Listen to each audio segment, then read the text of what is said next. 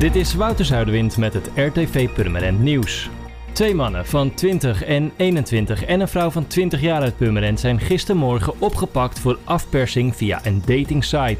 Het slachtoffer, een inwoner uit Venlo, had een afspraak met een vrouw.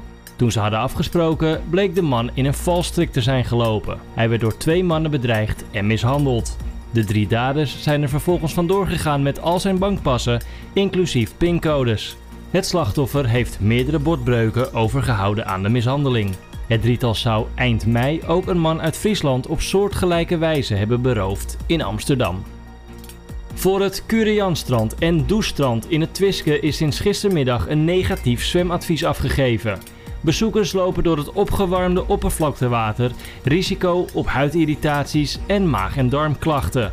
Tijdens warme periodes loopt de temperatuur van het water op en door de droogte kan het water moeilijk verversen. Bezoekers wordt opgeroepen om alleen te zwemmen op de officiële zwemlocaties. Op die plekken wordt het water gecontroleerd. Meer informatie over veilige zwemlocaties is te vinden op zwemwater.nl.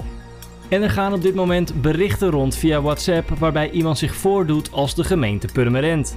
De beheerder van deze groep blijkt te vragen om zeer persoonlijke informatie in ruil voor 500 euro. Dit gebeurt via een link.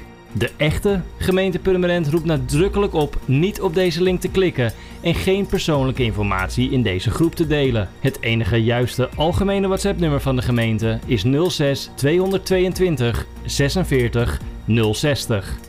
Voor meer nieuws, kijk of luister je natuurlijk naar RTV Purmerend, volg je onze socials of ga je naar rtvpurmerend.nl.